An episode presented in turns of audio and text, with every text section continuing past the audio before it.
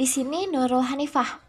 Aku mahasiswi dari Universitas Pendidikan Indonesia, jurusan Pendidikan Kewarganegaraan.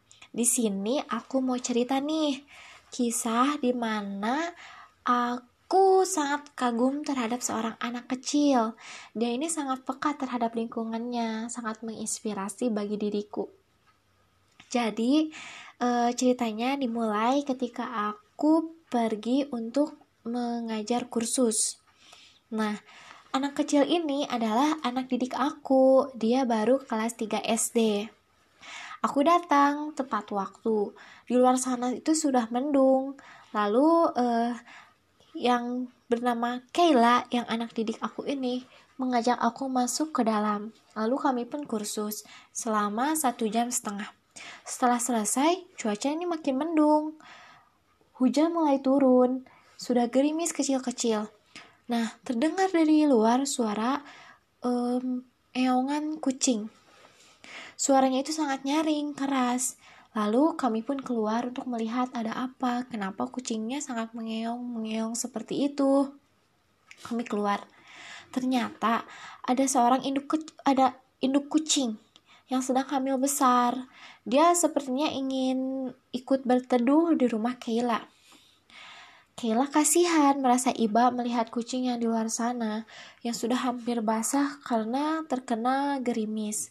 Sedangkan cuacanya makin lama makin mendung, sepertinya hujan akan turun deras. Kayla pergi bergegas masuk ke dalam rumah. Lalu dia minta izin kepada bundanya.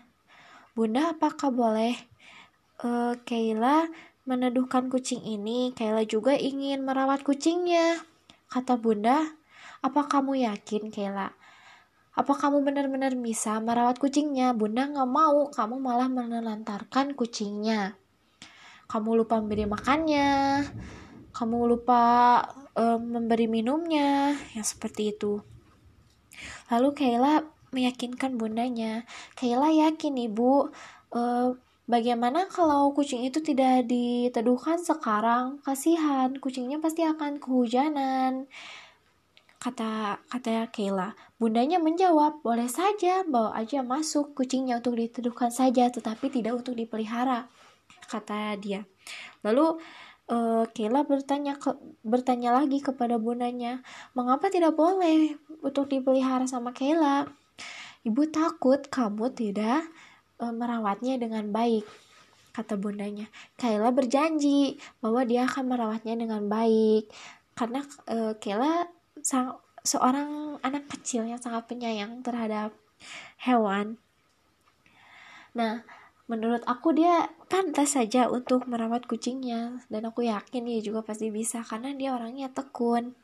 Nah, e, lalu Kayla pun meyakinkan ibu aku janji soalnya uh, aku juga sayang kepada kucing itu kasihan calon anak-anak juga yang ada di kucing itu pasti dia mereka juga butuh perlindungan nah bundanya pun akhirnya luluh dan setuju dari uh, apa yang Kayla ucapkan Lalu Kayla pun membawa masuk kucingnya.